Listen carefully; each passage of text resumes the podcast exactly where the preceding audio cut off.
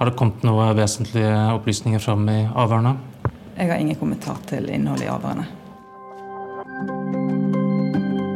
Fredag morgen la paret ut en Facebook-melding om at de var kjærester. Under to timer senere begynte det å brenne i huset.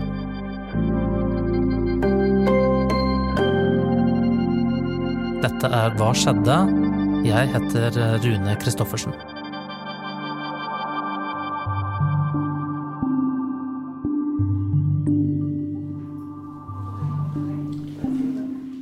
Det er søndag morgen, og de store portene inn til tinghuset i Bergen er låst med kjetting. Men på innsiden skjer det noe. Politiet har gått til retten for å få fengslet en mann som de mener startet dødsbrannen på Askøy. Den skal ikke bli tatt bilde av. Nei, da jeg legger ned Så, ja. Aller først må vi et par dager tilbake i tid. Klokken er 08.45 fredag 11. februar. Brannvesenet får melding om at det skjer noe på Florvåg på Askøy. Brann i bygning, nødetater på vei, skriver de på Twitter.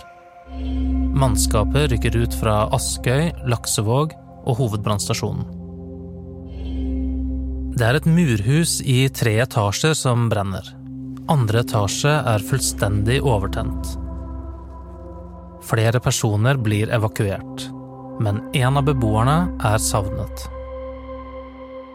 Røykdykkere gjør seg klare til å gå inn i det overtente huset, men de må vente, for bygningen er allerede så skadet at taket kan rase sammen.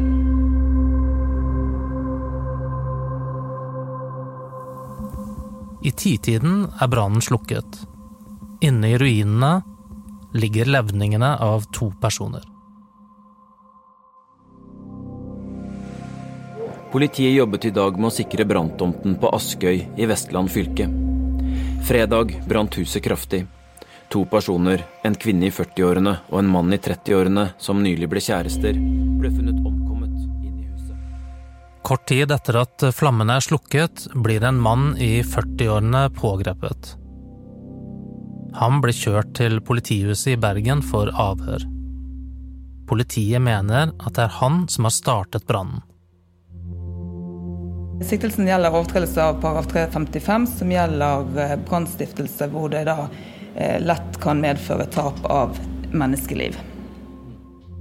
BT får opplyst fra flere kilder at mannen som er pågrepet, var kvinnens ekskjæreste. Forholdet skal ha tatt slutt i fjor høst. Deretter ble kvinnen sammen med mannen i 30-årene. Tidlig fredag morgen bekreftet de forholdet på Facebook. Og litt under to timer senere skal naboer ha hørt bråk fra leiligheten. Vitner skal ha hørt en kvinne rope rett før brannen i et bolighus på Askøy utenfor Bergen, der to personer ble funnet døde. En nabo har opplyst til BT at kvinnen ropte 'ikke gjør det, ikke gjør det', etterfulgt av ekskjærestens navn. Mannen i 40-årene nekter straffskyld og avviser at han har noe med brannen å gjøre. Men påtalemyndigheten mener at han må sitte i varetekt, mens politiet etterforsker saken videre. Mannen har vært gjennom to politiavhør. Nå er det søndag morgen, og retten skal avgjøre om mannen skal fengsles eller slippes fri. I rettssal 1C sitter aktor og forsvarer og venter på at politiet skal komme med den siktede. En bistandsadvokat som representerer de pårørende, er også til stede. På tilhørerbenken sitter seks journalister fra BT, BA og TV 2. Journalistene har ikke lov til å fortelle hva som blir sagt på fengslingsmøtet. Men aktor Laila Skeie mener at det ikke er nok. Før møtet begynner, ber hun om at journalistene må forlate salen. Det er av hensyn til etterforskningen. Vi ønsker ikke at eh, opplysninger skal komme ut i media eh, før man har mer kontroll over sakens eh, vitner osv. Hun ber om at mannen fengsles i fire uker i første omgang, og at han må sitte to uker i fullstendig isolasjon. Uten tilgang på medier, brev eller besøk. Eh, grunnen til det er at vi mener at det er skjellig grunn til mistanke for det han er siktet for, eh, og vi mener altså at fare for at bevis kan gå tapt dersom siktede ikke er, eh, er innsatt i varetekt. Noen minutter forsinket kommer to røslige politimenn gående med mannen. Han er kledd i en rød bomullsbukse, blå genser og går med munnbind.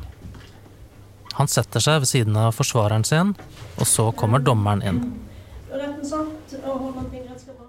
Dommeren går ikke med på å lukke rettsmøtet for pressen.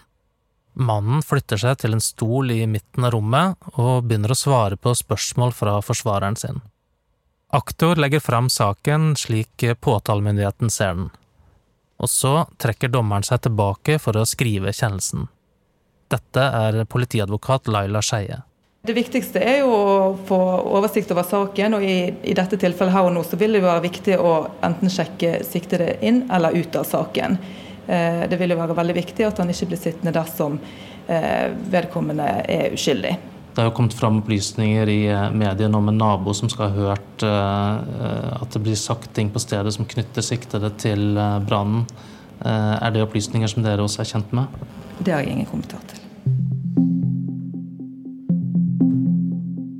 I det hele tatt er det veldig lite politiadvokaten vil si om eh, hvorfor de mistenker mannen. Har det kommet noe vesentlige opplysninger fram i avhørene? Jeg har ingen kommentar til innholdet i avhørene. Hva knytter siktede til brannen? Eh, det kan jeg ikke kommentere. Hva knytter siktede til vedkommende som bodde på adressen? Det kan jeg heller ikke kommentere. Hva var relasjonen mellom de to som er antatt omkommet? Eh, det har jeg ingen kommentar til.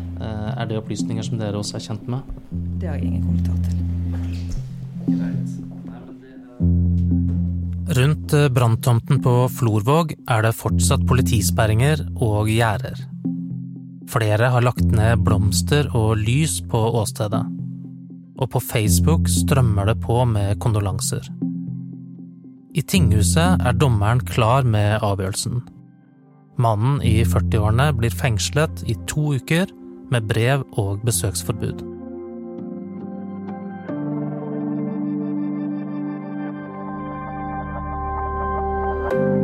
Hva skjedde? er en podkast fra Bergens Tidende. Og denne episoden er laget av Anne Offstad, Henrik Svanevik og meg, Rune Christoffersen.